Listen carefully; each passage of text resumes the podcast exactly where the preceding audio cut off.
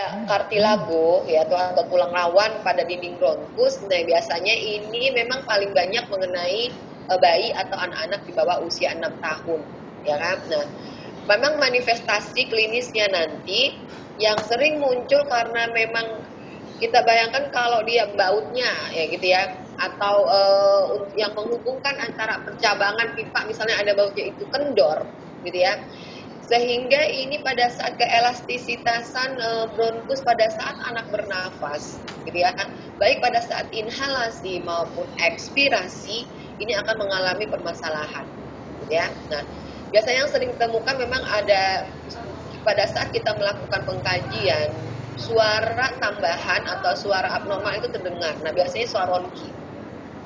Ronki terdengar karena memang e, adanya nanti penumpukan sekret yang terjadi ya kan di dalam paru akibat tadi melemahnya cincin kartilago yang me, di antara percabangan bronkus gitu ya.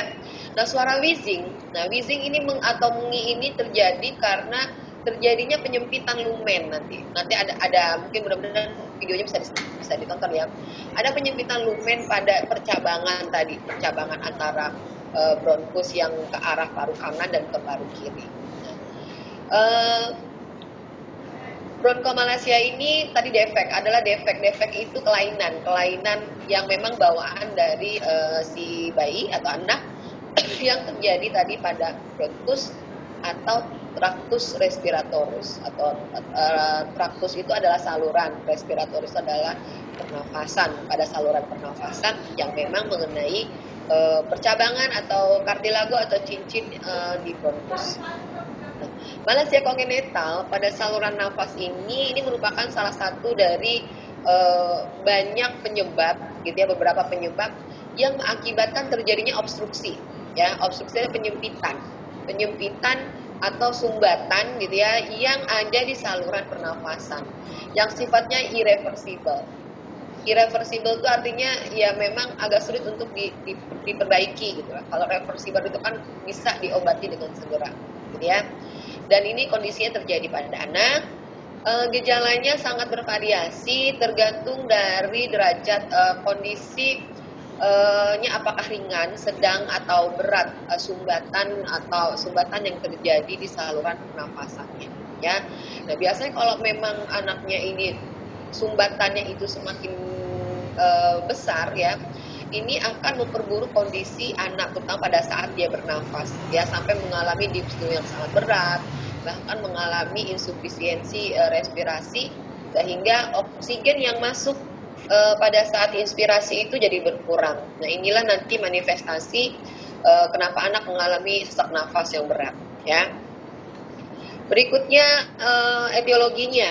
Nah, etiologi e, karena tadi ini adalah terjadinya kelainan kongenital gitu ya pada saat memang proses pembentukan uh, selama di dalam proses kehamilan. Nah, ini uh, itu merupakan penyebab yang memang sering terjadi pada bronkomalacia, ya. Berikutnya adalah penyebabnya kemungkinan ada degenerasi, ya kan degenerasi dari tulang rawan. Jadi pembentukan tulang rawannya tadi yang tidak sempurna sehingga mengakibatkan kondisi melemahnya tulang rawan atau kartilago atau cincin yang tadi menghubungkan nih menghubungkan antara bronkus kanan dan bronkus kiri. Nah, di gambar sebelah sini lihat ini pada saat dilakukan pemeriksaan uh, uh, ke dalam gitu ya melalui kamera khusus. Nah, bisa kita lihat di sini ini, ini adalah cabangnya, cabang dari uh, bronkus kanan dan kiri ya. Sehingga di antara cabang ini bisa mengakibatkan terjadinya penyempitan dari lumen ya, lumen atau saluran e, pernafasan yang ke arah paru kanan dan paru kiri, gitu ya. Inilah kondisi e, bronkomalacia yang terjadi pada anak ya, biasanya diakibatkan karena kondisi tersebut. Berikutnya bisa juga karena adanya fistul. Fistul itu semacam ada e, apa ya? Sebenarnya uh, itu kayak uh, harusnya itu ada sekat, tapi uh, ada tidak pada proses kehamilan tidak ada ter, terbentuknya sekat tersebut sehingga ada lubang gitu ya yang membatasi dua bagian. Itu adalah fistul ya. Biasanya ada fistur di trakea dengan esofagus gitu ya. Di antara trakea dan esofagus ini juga bisa mengakibatkan terjadinya e, bronkomalasia ya yang keempat bisa juga bronkomalasia ini selain karena memang dia kelainan kongenital, ini bisa terjadi akibat melemahnya dinding saluran pernafasan. Nah, ke yang uh, ini melemahnya dinding saluran pernafasan ini biasa sering terjadi pada anak yang lebih besar atau pada dewasa pun juga bisa terjadi. Nah, biasanya melemahnya dinding saluran nafas baik dari bronkus maupun trachea biasanya akibat dari komplikasi penyakit-penyakit pernafasan lainnya gitu ya atau karena pemasangan alat yang terlalu lama terutama adalah yang di saluran pernafasan sehingga e, mengakibatkan e, e, terjadinya kelemahan pada dinding-dinding atau otot-otot yang ada di saluran pernafasan. Nah, ini bisa juga mengakibatkan terjadinya kondisi seperti bronkomalacia. Tapi yang paling menjadi uh, penyebab utama pada anak-anak adalah yang karena kelainan kongenital sama degenerasi uh, tulang rawan.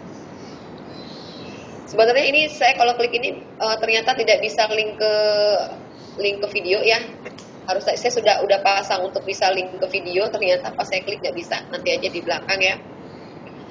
Berikutnya adalah kalau kita lihat uh, klasifikasinya, lagi ya.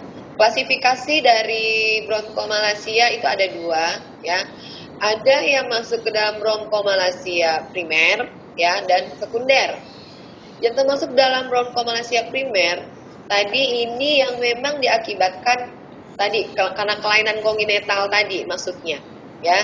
Karena adanya kelemahan atau defisiensi atau uh, tidak sempurnanya pembentukan kartilago atau cincin kartilago tadi antara percabangan bronkus ya. Sedangkan yang bronkomalacia sekunder ini uh, yang bukan diakibatkan tadi karena kelainan kongenital. Jadi bukan bawaan lahir. Gitu ya. Tadi yang disebabkan karena uh, faktor dari luar ya atau karena penyakit lain yang nanti e, mengakibatkan terjadinya kelemahan-kelemahan tadi pada otot-otot di dalam saluran e, pernafasan. Selain itu juga bisa karena adanya kondisi pelebaran pembuluh-pembuluh darah, terutama yang ada di dalam e, saluran pernafasan. Nah, ini mengakibatkan kondisi dinding-dinding e, dalam pembuluh darah itu menjadi lemah, ya. Terusnya bisa juga karena e, bagian cincin atau kartilago-kartilago di pembuluh darah gitu ya yang yang nanti ke arah banyak pembuluh darahnya uh, ini menjadi kondisi uh, melemahnya tadi otot-otot di dalam pembuluh darah. Atau bisa juga karena adanya kista ya. Kista di bagian bronkus walaupun ini sangat jarang. Kalian kebayang kayak apa kalau ada kista atau adanya nodul aja nggak usah lah kista nodul nodul tuh seperti uh, apa misalnya kayak jerawat lah nodul gitu ya nggak terlalu besar. Tapi itu terjadi di saluran pernafasan. Itu sangat mengganggu proses pernafasan karena kita bayang saluran nafas kita tuh e, berapa sih diameternya gitu ya. Sehingga kalau ada kista yang yang tumbuh atau ada jaringan jaringan abnormal yang tumbuh di dalam saluran pernafasan ini e, bisa mengakibatkan uh, kondisi mengalami gangguan pernafasan ya. Berikutnya adalah uh, patofisiologisnya ya. Kalau tadi kalau kita lihat patofisiologi pada bronkomalacia sebenarnya kan tadi kalau kita lihat klasifikasi ada dua, ada yang primer, ada yang sekunder, gitu ya. Nah, kalau pada anak memang lebih banyak kondisinya etiologinya disebabkan karena kelainan kongenital yang tadi bawaan bawaan dari lahir gitu ya. Kalau tadi yang sekunder bisa saja mungkin pada anak yang lebih besar. Waktu bayi sih nggak ada kondisi seperti bronkomalacia. Tapi dia punya riwayat misalnya, riwayat e, mengalami suatu penyakit misalnya saluran pernafasan sampai mengakibatkan dia mungkin penurunan kesadaran, ya kan, terus dia harus dipasang alat-alat bantu nafas misalnya itu bisa mengakibatkan efek dari uh, seperti itu mengakibatkan kelemahan otot-otot di saluran pernafasan sehingga bisa menimbulkan bronkomalacia ya. Nah itu dari kedua etiologi berdasarkan tadi klasifikasi primer dan sekunder ya. Nah kalau kita dari sini dari patofisiologi di sini memang karena ada kondisi kelainan kongenital memang udah bawaannya di mana kelainan kongenital itu mengakibat yang diakibatkan karena uh, defisiensi tadi defisiensi pada cincin-cincin kartilago ya terutama ada yang di bronkus. Nah akibat karena adanya tadi melemahnya cincin atau kartilago yang ada di bronkus, tadi kalau kita lihat gambar tadi yang etiologi bisa mengakibatkannya menutupi ya kan menutup saluran pernafasan yang bagian kecil. Itu bronkus ya. Bronkus itu masih agak besar. Yang lebih kecil lagi cabangnya apa setelah bronkus? Cabang yang lebih kecil lagi dari bronkus? Apa cabang pernafasan? Belum nanti dia masuk ke alve, alveolus. Nah, ini yang akan terjadi semakin kecil salurannya yang yang nanti terkena kondisinya akan semakin jelek gitu ya. Nah, kalau terjadinya penutupan atau mengecilnya lumen atau lumen itu uh, diameter gitu ya, diameter saluran pernafasan sudah kita bisa terbayang, tentunya akan mengalami kondisi permasalahan pada saat bernafas, baik pada saat inspirasi dan ekspirasi, ya. Tapi pada bronkomalacia ini yang paling bermasalah adalah nanti pada saat ekspirasi. Kalau ekspirasi mungkin tidak terlalu berat kondisinya. Tapi pada saat ekspirasi, kondisi sesak eh, ini yang lebih berat. Kenapa? Kenapa pada saat ekspirasi agak sulit dia bernafas, menghembuskan nafas. Sudah terbayang? Tadi lumennya e, mengalami penyempitan atau tertutup gitu loh. Karena cartilagonya ini nggak kuat untuk nyangga me, membuka gitu kan ya. Sehingga dia menjadi e, menutupi e, bronkus tadi, saluran bronkus. Kenapa bisa menjadi e, permasalahannya di ekspirasi? Ekspirasi itu kan pada saat dia menghembuskan nafas pada saat inspirasi dia akan lebih mudah dibandingkan nih pada saat ekspirasi. Apa yang terjadi? Kalian sudah belajar IDK, sudah belajar tentang ya sedikit uh, uh, fisikanya lah, fisika kesehatan. Apa yang terjadi? Ada ada apa yang mengakibatkan uh, dia mengalami kondisi sulit untuk mengekspirasikan atau menghembuskan nafasnya? Terjadi perubahan tadi di saluran nafas normal, pada saat kita normal nih, saluran nafasnya normal biasa, tidak ada penyempitan. Kita nafas dengan enak. Tarik nafas, mengembuskan nafas. Tarik nafas, mengembuskan nafas. Tapi pada anak dengan bronkomalacia, dia tarik nafas mungkin lebih mudah. Tapi pada saat dia menghembuskan nafas, itu dia mengalami kesulitan. Sama seperti asma. Kan ini kan elizing nih. Sama seperti asma kondisinya, penyebabnya. Karena ada apa tadi di saluran nafasnya? Nih, karena ini nih. Karena menutupnya saluran nafas. Atau adanya terjadinya kalau pada asma itu bronkospasme. Bronkospasme itu terjadi kekakuan sehingga menutupi jalan lahir, dinding-dinding bagian dalamnya. Bayangkan kalau uh, satu lumen, kayak pipa gitu lah. Pipa, semakin kecil ukuran pipa, gitu ya. Pada saat kita menghembuskan kayak seruling aja, menghembuskan kita supaya untuk bunyi, mana yang lebih nyaring? Pipa yang ukuran e, besar atau pipa yang ukuran kecil?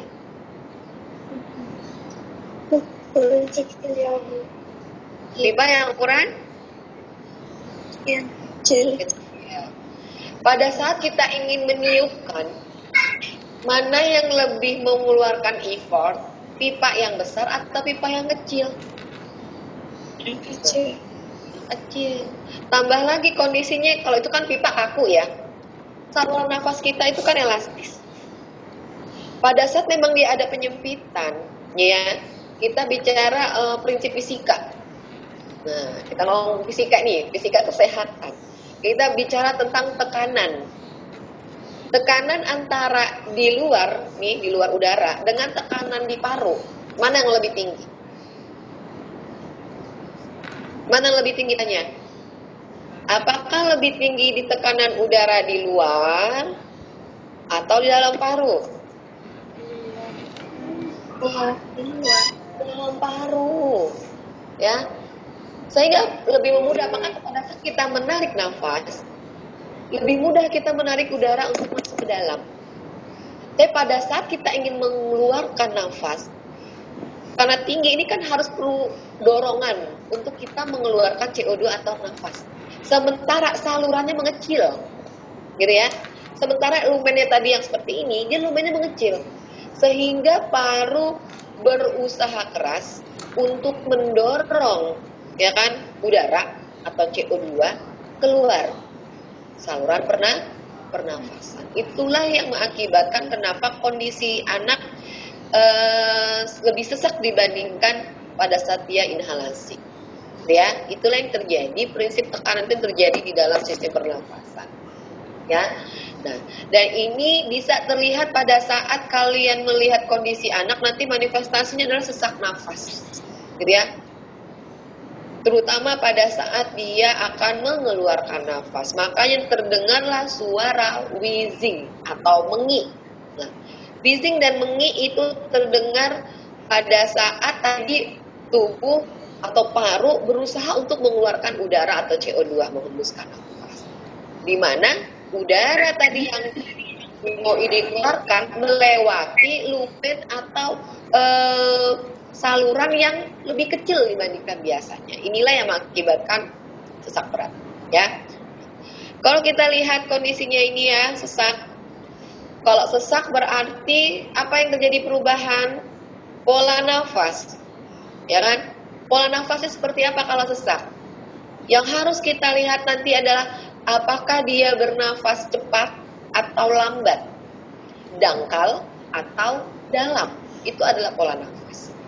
Nah, kalau nafas dia cepat tapi dangkal, nah seperti apa tuh? Gimana yang nafas cepat dan dangkal? Udah pernah melihat? Atau sudah pernah mengalami nafas cepat dan dangkal? Siapa yang pernah dikejar anjing? Siapa yang pernah dikejar anjing? Pada saat dikejar anjing, gimana pernapasan kita? Nafasnya cepat dangkal atau cepat dalam? Dangkal. Dangkal. Coba kalian pas dikejar anjing terus kalian nafasnya cepat dalam. Itu mempengaruhi enggak? Mempengaruhi. Cepat dangkal. Kenapa ada cepat dangkal? Karena e, mungkin dia berusaha untuk ingin menarik oksigen sebanyak mungkin dari luar. Sehingga pola nafasnya itu terlihat cepat dan dangkal. Ya, Ada pola nafas yang cepat dan dalam. Cepat dan dalam itu seperti apa? Kalau kita lihat eh, uh, rumput rumput pernafasan gitu ya. Misalnya rumput pernafasan ya. Kalau di monitor kayak EKG itu kan ada rumput-rumputnya sit, sit gitu ya. Kalau pakai monitor. Kalau cepat dan dangkal, cepat dan dangkal itu pasti uh, dia akan gambar rumputnya pendek-pendek tapi cepat gitu ya. Kalau pola nafasnya cepat dan dangkal, dia pola rumputnya itu dia dalam ke bawah, tapi cepat. Ada pola nafas dia dangkal eh, lambat dan dangkal atau lambat dan dalam. Itu adalah kondisi eh, pola nafas yang abnormal. Itu ada istilahnya loh. Ada yang tahu apa saja istilah eh, gangguan pola nafas? Istilahnya gangguan pola nafas. Masih ingat di KD? Atau di KMB udah belajar di pengkajian fisik KMB? Di pernafasan sudah ya? Pernafasan kan semester ini ya? Sudah masuk ke sistem pernapasan? Sudah. Sudah belum? KMB? Sudah. Sudah. Sudah. Ya. Ada ada yang tahu apa saja gangguan pola nafas? Pernah dengar pernafasan Kusmau? Kusmau? Atau pernah mendengar pola uh, pernafasan Bayet? Apa maksudnya? Biot ya. atau pernafasan Chinese tube itu adalah pola nafas abnormal ketiga-tiga yang saya bilang tadi. Cari kayak apa itu yang uh, nafas-nafas tadi. Karena nanti ini kalian pada saat di sedikit uh, bertanya nih. Karena salah satu dari tiga penyakit itu pasti uh, ada gangguan tadi pola nafas seperti yang saya sampaikan tadi ya. Nah, itu penting kalian pahami. Walaupun uh, itu kan adalah uh, gangguan pada sistem saraf ya. Pada sistem saraf yang ada di otak yang juga mempengaruhi sistem pernafasan. Biasanya kondisinya ya bisa sangat jelek gitu ya. Bahkan bisa menimbulkan kematian baik meningitis, hidrosefalus ataupun pada pasien dengan kejang gitu ya. Bu Susi kemarin kejang demam atau kejang saja yang diajarkan? Kejang Apakah hanya kejang atau kejang demam? Kejang demam, Bu. Kejang demam. Oke, karena kenapa saya tanyakan? Kejang demam merupakan salah satu bagian dari kejang. Kejang itu banyak, gitu ya. Nah, memang kejang yang sering terjadi pada anak adalah kejang demam. Gitu ya. Ada kejang yang terjadi tanpa ada demam. Nah, ini ini berbeda, gitu ya. Kalau kejang demam memang kejangnya karena kondisi peningkatan suhu tubuh. Gitu. Sedangkan kejang tanpa demam. Nah, apa yang kalian tahu dengan kejang tanpa demam penyakit apa itu? Epilepsi. Kejang epilepsi ya. Epilepsi itu masuk kondisi kejang tanpa demam gitu ya. Atau eh, kejang-kejang yang diakibatkan memang karena kondisi adanya uh, gangguan pada sistem persarafan ya. Oke ini lumayan udah banyak yang join. Jadi saya kembali share PPT tadi ya. Oke, tadi kita baru bahas pola nafas ya. Nanti silakan dicari tadi ya pola nafas itu uh, kalau kita mengkaji pola nafas berarti tadi yang mau kita kaji apa saja tadi? Apakah nafasnya apa tadi? Cepat atau dangkal? Terus cepat, dalam, lambat dangkal atau lambat dalam ya. Nah, itu yang kita kaji di pola nafas. Selain itu, yang perlu kita uh, kaji adalah selain pola nafas, apalagi frekuensi pernafasan atau RR gitu ya, respiratory rate itu kita kaji. Apalagi yang masuknya lagi dalam uh, ketidakefektifan nanti bersihan jalan nafas. Halo? Itu apa kemarin? Dada ya nah, lihat apakah ada tarikan dinding dada atau tidak pada saat anak bernafas apakah menggunakan eh, otot-otot uh, bantu nafas kemarin ya yang memang harusnya pada saat anak itu bernafas normal tetapi pada saat anak itu bernafas terlihat ada otot-otot bantu nafas lainnya yang digunakan oleh anak pada saat anak bernafas. Berikutnya kita lihat karena kondisi sesak nafas, ya dipindah lagi. Terusnya karena ada penyempitan dari lumen di bronkus, sehingga mengakibatkan e, kondisi terjadinya produksi sputum yang banyak, gitu ya. Produksi sputum yang banyak, e, sehingga mengakibatkan e, terjadinya banyak penumpukan sputum, ya Sementara anak tidak bisa membatukkan dengan baik. Kenapa? Sputum tidak bisa keluar karena tadi terjadinya obstruksi atau penyempitan pada e, saluran pernafasan. Sehingga walaupun banyak adanya sputum yang dihasilkan, gitu ya, tetapi tidak bisa dikeluarkan dengan baik. Nah, akibatnya apa? Satu yang akan terjadi pada saat e, anak itu ingin membatukan, kemungkinan bisa terjadinya resiko aspirasi. Karena sulit untuk mengeluarkan pada saat sudah naik ke saluran atas, pada saat ingin mau dinaik ke trakea, ya, ke vagus, dia yang terbuka adalah yang ke pasat mor kofaring, yang terbuka adalah yang kena sofaring. Sehingga beresiko anak akan mengalami aspirasi. Ini sangat bahaya. Karena kalau sampai anak mengalami aspirasi, bisa saja terjadi kondisi yang sangat jelek gitu ya. Berikutnya karena batuknya tadi juga tidak efektif, produksi sputumnya banyak gitu ya.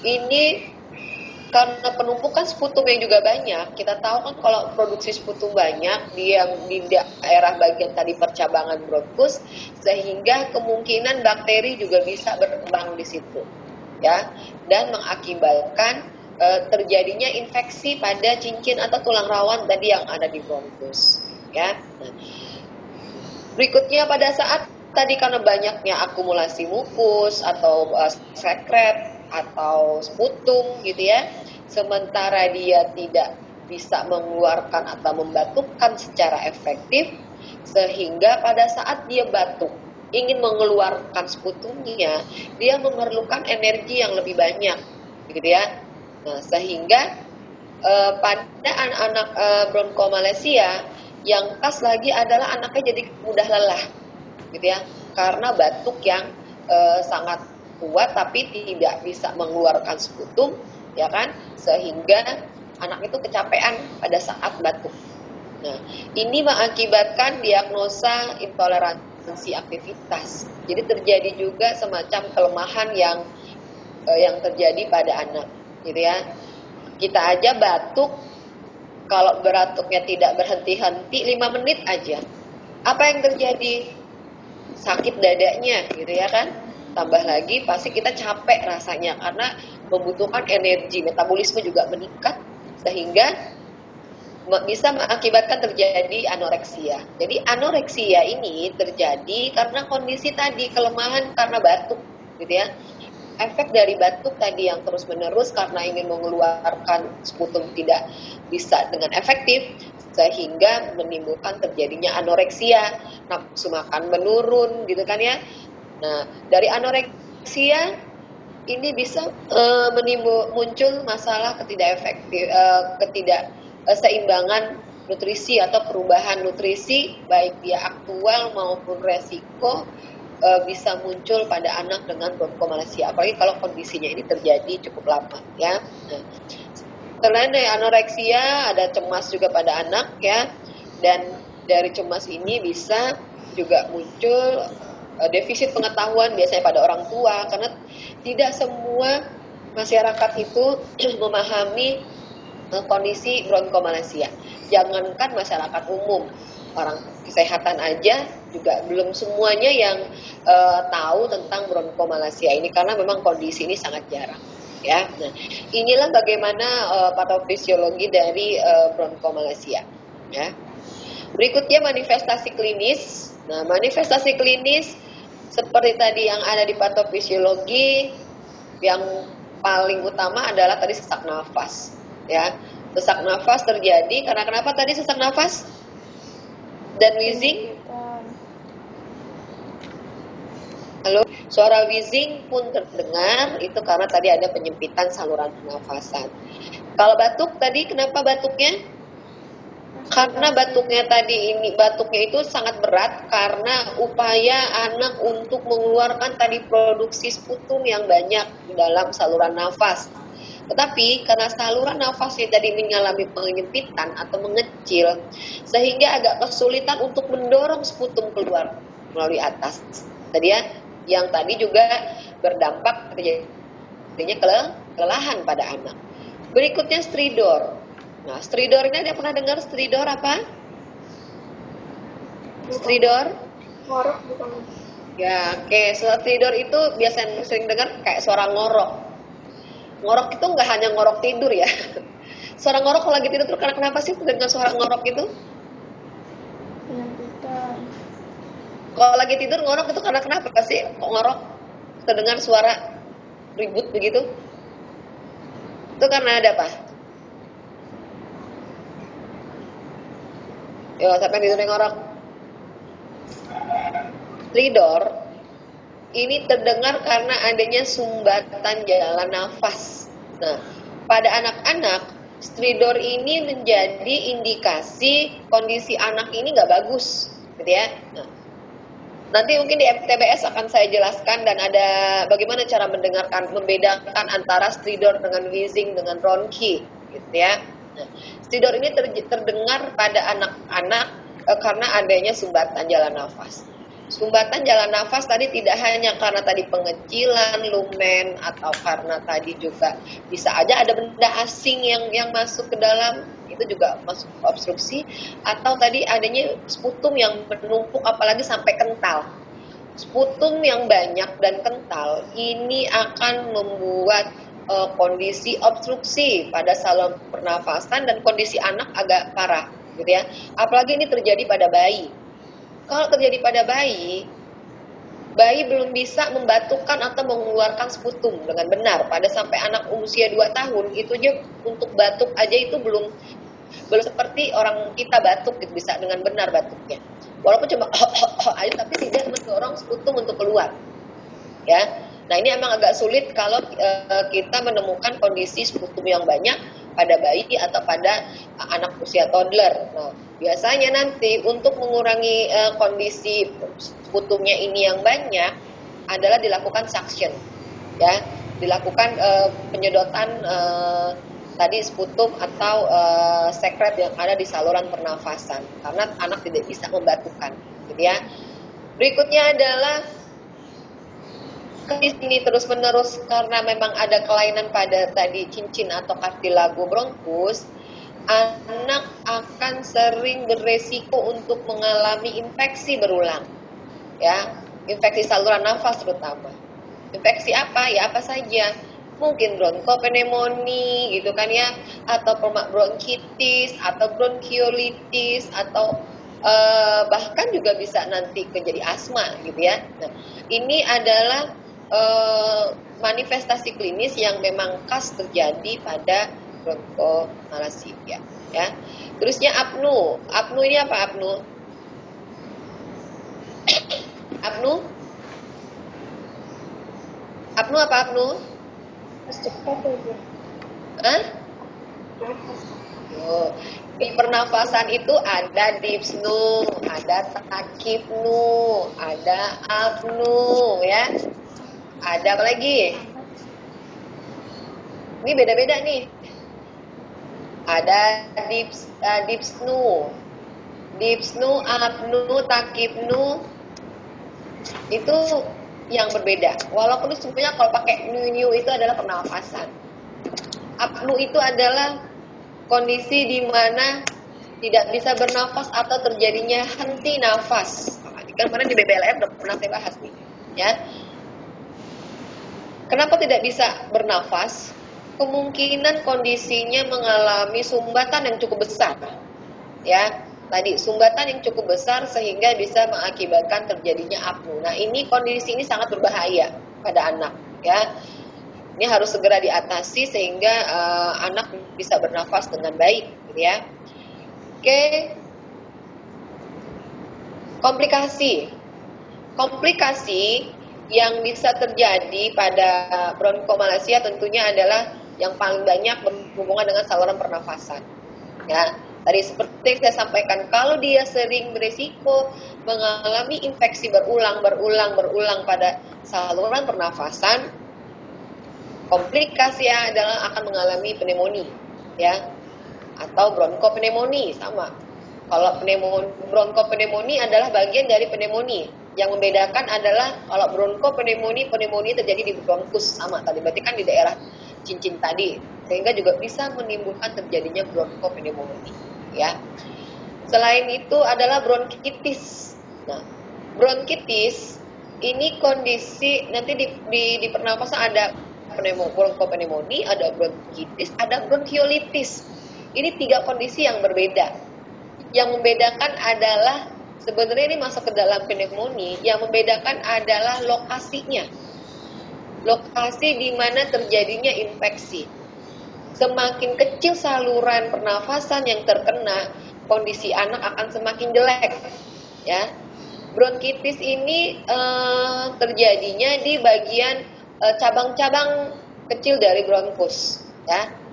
Bronkiolitis itu di percabangan lebih kecil lagi dari bronkitis ya. Jadi kalau pada bayi yang mengalami bronkoliolitis itu kondisinya sangat jelek gitu ya karena yang terinfeksi adalah cabang-cabang kecil dari saluran pernafasan. Jadi sama-sama sih di saluran pernafasan. Yang ketiga adalah eh, komplikasi bisa polikondritis. Nah, polikondritis ini adalah infeksi yang memang atau inflamasi yang terjadi di jaringan kartilago, ya, atau jaringan lunak atau tulang rawan gitu. Nah, karena memang bronkomalacia ini terjadinya tadi kelemahan pada kartilago sehingga mengakibatkan kalau ini kondisinya terus-menerus bisa menimbulkan mengalami inflamasi pada jaringan-jaringan lunak yang lain. Nah, kalau pada orang dewasa biasanya ini ya di persendian-persendian, pokoknya di, jaringan-jaringan lunak di, di seluruh tubuh ya, bisa di area kuping, di kuping ini di telinga ya, di daun telinga ini kan kartilago nih, ya itu bisa terjadi inflamasi gitu ya, pokoknya di jaringan-jaringan lunak. Nah, ini komplikasi uh, yang bisa terjadi di luar pernafasan pada bronkomalacia. Keempat tadi adalah asma karena kondisinya tadi hampir mirip dengan asma. Kenapa? Karena adanya e, sumbatan atau terjadinya penyempitan pada saluran pernafasan.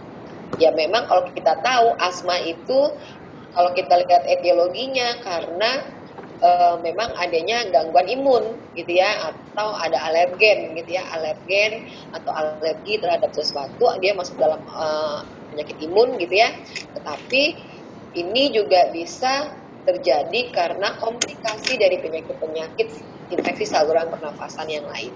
Ya. Berikutnya uh, pemeriksaan penunjang.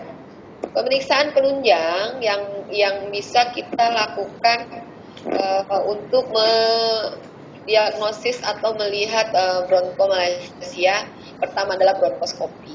Nah, bronkoskopi itu untuk mendapatkan gambaran gitu ya, e, memasukkan suatu alat ke dalam tubuh, dipotret gitu kan ya. Seperti tadi gambar yang tadi saya sampaikan itu adalah bronkoskopi untuk melihat sejauh mana penyempitan atau tadi e, obstruksi yang terjadi di daerah cincin atau kartilago bronkus e, paru kanan dan kiri ya itu bronkoskopi. Yang kedua adalah CT scan ya CT scan ini untuk melihat juga atau mendiagnosis juga atau melihat uh, lebih detail lagi juga kondisi uh, keparahan pada pasien ya. Berikutnya juga uh, eh, MRI ya. MRI ini juga sama untuk melihat gambaran uh, di pernafasan lebih detail sehingga bisa dilakukan nanti penata laksanaan yang tepat pada anak. Apakah ini berapa lumen yang tertutupnya? Apakah sebagian ataukah memang sangat besar terjadinya penutupan uh, daerah kartilago tadi di daerah bronkusnya.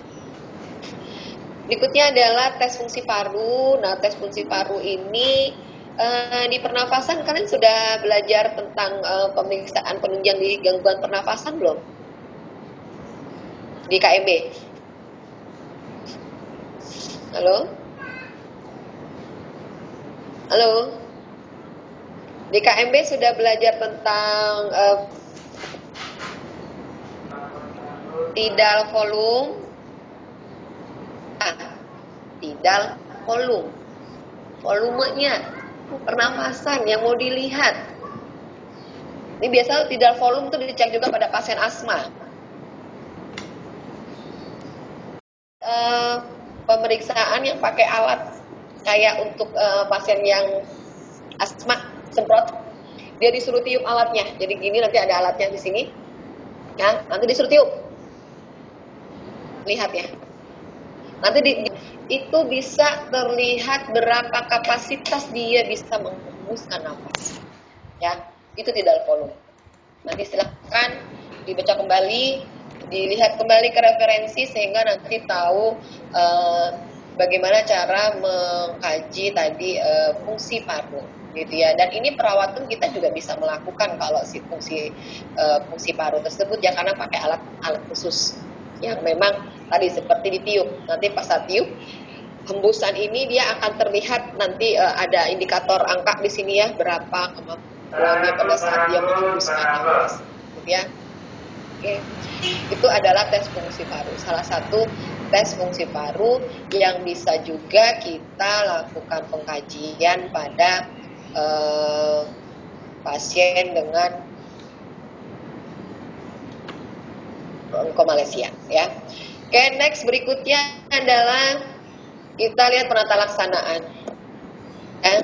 Nah, penata laksanaan karena biasanya kalau kondisinya dia jelek tergantung dari tadi sejauh mana uh, obstruksinya terjadi ya kalau misalnya dia hanya obstruksinya kecil tidak sampai mengakibatkan tadi apnu sesak berat gitu ya hanya bi bisa diberikan oksigen dan juga nanti beberapa uh, terapi-terapi untuk uh, membantu membuat uh, bronkodilator membuka jalan nafas gitu ya. Nah pada saat kondisi anaknya jelek ya sesak berat terusnya sampai terjadi apnu satu yang penata laksanaan dilakukan adalah pemasangan time. Time ini bersamaan dengan pemasangan CPAP CPAP itu adalah continuous positive airway pressure. Adalah memberikan tekanan positif di saluran pernafasan jadi pakai alat gitu ya e, yang selang seperti ini nih selang yang dipasang yang dihubungkan nanti dengan mesin ya untuk e, memantau berapa volume oksigen yang harus diberikan pada anak. Ya, kalau ini kan pada bayi ya, ini pemasangan CPAP. Ya, jadi e, seperti terpasang ventilator, ventilator. Nah, kalau pada bayi kalian lihat aja gimana bayangkan bayi-bayi kecil harus terpasang selang yang besar-besar seperti tadi, ya. Nah, berikutnya adalah ini suatu tindakan ya tracheostomy Tracheostomi itu adalah namanya trakeo, berarti trakeanya, tomi itu ya pembedahan, berarti pembedahan yang dilakukan di trakea. Jadi dibuat lubang, langsung dipasang alat di situ, ya. Jadi nafasnya lewat tracheostomi. Nah, biasanya tracheostomi ini dilakukan apabila sumbatannya total. Berarti atau sumbatannya sangat besar. Kenapa kalau total dan sangat besar? Anak tidak bisa bernafas lewat jalan nafas atas, tidak bisa bernafas lewat hidung, oksigen tidak bisa masuk, tidak bisa keluar.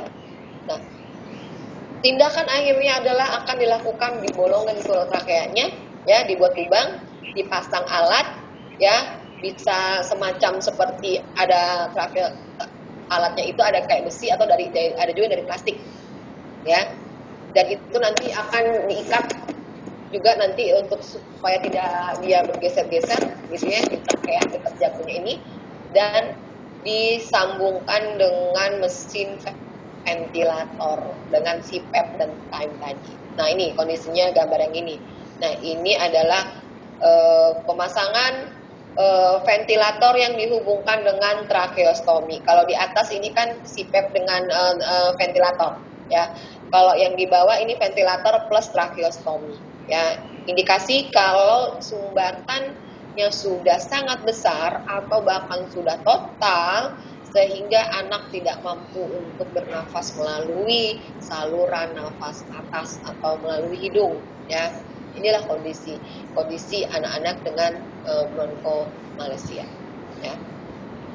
Nah, kalau kita sudah bicara tadi terkait e, seperti apa sih e, bronkomalacia pada anak, terus bagaimana perjalanan penyakitnya, apa saja sih manifestasi yang muncul atau gejala-gejalanya, apa yang uh, perlu kita lakukan uh, pemeriksaan penunjang untuk membantu menegakkan diagnosa uh, atau diagnosis gitu ya. Dan apa yang harus dilakukan penata laksananya pada anak. Nah, tugas kita sebagai seorang perawat adalah yang tidak lepas adalah proses perawatan ya dari pengkajian tentunya sampai kita bisa mengevaluasi kondisi anak apakah ada perubahan atau tidak ya Nah, seperti yang tadi di atas manifestasi yang sudah kita bahas. Nah, yang perlu kita kaji karena tadi ada permasalahan dengan tadi aktivitas gitu ya dan istirahat. Nah, gejala yang perlu kita kaji adalah tadi keletihan, kelelahan dan malaise ya. Kondisi ini terjadi karena tadi upaya anak untuk dia e, bernafas dan juga untuk membatukan atau mengeluarkan sputum yang cukup berat ya sehingga kondisi ini muncul. Terusnya ketidakmampuan untuk melakukan aktivitas sehari-hari pada anak yang cukup besar. Ya buru-buru dia mau lari-lari main gitu ya atau mau turun dari tempat tidur, mau napas aja udah susah Gitu ya.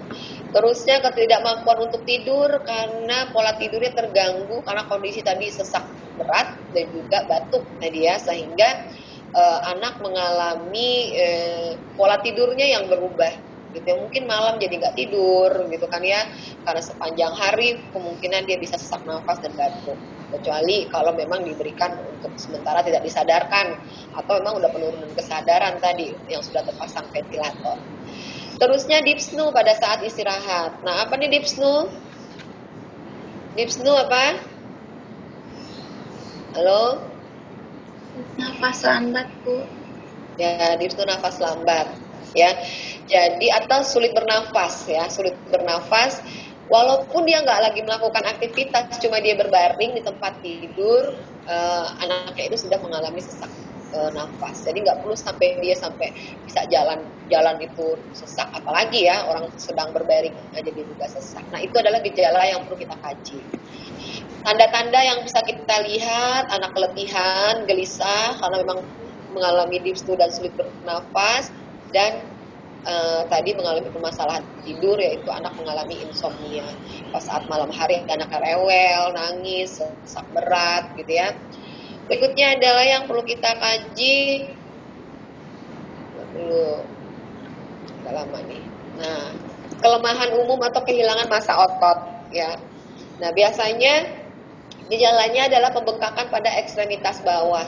Nah, ini diakibatkan karena e, kemungkinan e, sudah juga berdampak kepada jantung ya kan atau sirkulasi ya sehingga mengakibatkan sirkulasi e, pembuluh darah atau aliran darah yang dari bagian bawah ya menuju ke atas itu mengalami e, permasalahan di sirkulasi yang mengakibatkan terjadinya penumpukan cairan. Jadi uh, balik alur balik dari sirkulasi itu terhambat sehingga manifestasinya adalah terutama bagian kaki itu bisa saja terjadi udem gitu ya Tandanya kita bisa kaji adanya peningkatan tekanan darah gitu. Kalau pada anak lebih besar kita bisa cek pakai uh, tensimeter. Kalau pada bayi biasanya terhubung dengan monitor ya. Terusnya frekuensi jantung uh, denyut jantungnya meningkat, takikardi, distensi vena leher. Apa tuh distensi vena leher? Di leher tuh nama nama venanya apa sih? Di leher vena? Jugularis jugularis ya. Kalau kita lihat uh, jugularisnya mengalami pembesaran karena tadi adanya tidak uh, lancarnya sirkulasi aliran balik dari ekstremitas bawah. Udem dependen, udem dependen itu uh, ya memang karena kondisi tadi tidak lancarnya sirkulasi. Bunyi jantungnya mulai redup ya, mungkin lebih lemah Terusnya warna kulit membran mukosa itu mengalami sianosis, pucat e, dapat e, menunjukkan selain mungkin anaknya juga mengalami anemia karena tadi anorsia karena kondisi e, tadi kelemahan ya. Yang tiga adalah e, pengkajian integritas ego, itu gejalanya adalah e, peningkatan faktor resiko karena tadi dia beresiko untuk mengalami infeksi berulang, bisa juga mengalami komplikasi gitu ya perubahan pola hidup yang tadinya dia bisa melakukan aktivitas pada anak yang lebih besar dia harus berbaring di tempat tidur.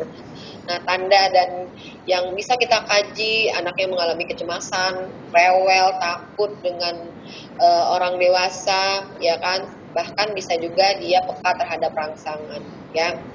Peka terhadap uh, apa misalnya uh, lampu yang terlalu terang atau sentuhan ini juga bisa uh, kita kaji. Berikutnya adalah pengkajian uh, makanan dan cairan. Nah, pada pengkajian makanan cairan, karena tadi dia ada anoreksia, kemungkinan juga disertai dengan mual dan muntah.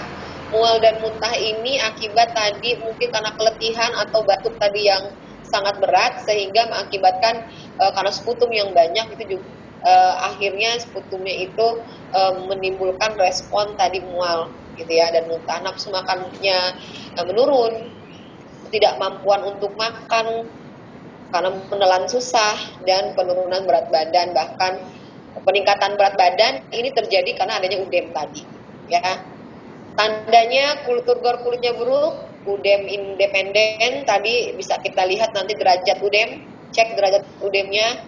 Terusnya anak berkeringat karena uh, tadi uh, aktivitasnya yang terlalu berlebihan upaya dari batuk terusnya penurunan berat badan. Palpitasi di abdomen. Palpitasi itu apa sih? Jadi karena tadi uh, anoreksia, uh, bukan palpitasi, ini palpasi ya. Palpasi abdomen biasanya terjadinya uh, cekung di bagian abdomen karena uh, kurang kurang gizi ya. Terusnya higieni, higiennya kebersihan, penurunan kemampuan untuk membersihkan diri gitu ya, badannya bau karena mungkin tidak tidak personal hygiene tidak diperhatikan. Terusnya pernafasan, batuknya beresi, beresi ini batuk yang sangat berat tadi karena uh, terus menerus tapi tidak keluar sekutumnya ya. Episode batuknya yang terus menerus uh, tandanya adalah pernafasannya cepat menggunakan otot bantu nafas, mungkin disertai dengan ronki dan wheezing. Kalau kita perkusi suaranya hiperresonan di area paru. Apa tuh hiperresonan? Ada yang pernah tahu hiperresonan? Suara itu apa tuh? Suara, suara perkusi normal apa enggak? Halo? Di auskultasi, di perkusi itu diapain? Perkusi diapain tuh? dipukul diketuk gitu ya pada saat kita ketuk melakukan pengetukan di area paru dia hiperresonan nah, nanti ini minggu depan di pengajian fisik akan kita bahas ya terusnya warna pucat sianosis bahkan abu-abu di keseluruhan ini apabila kondisinya sangat jelek pernapasannya bahkan sampai abu ya berikutnya adalah uh, aduh lama nih ya keamanan riwayat alergi, mungkin dia mengalami alergi, ada alergi atau faktor lingkungan yang memang beresiko untuk uh, mengganggu uh, kebutuhan keamanan dia. Nah, yang juga mengancam keamanannya adalah dia resiko tadi berulangnya infeksi, infeksi pernafasan. Interaksi sosial dia sangat terganggu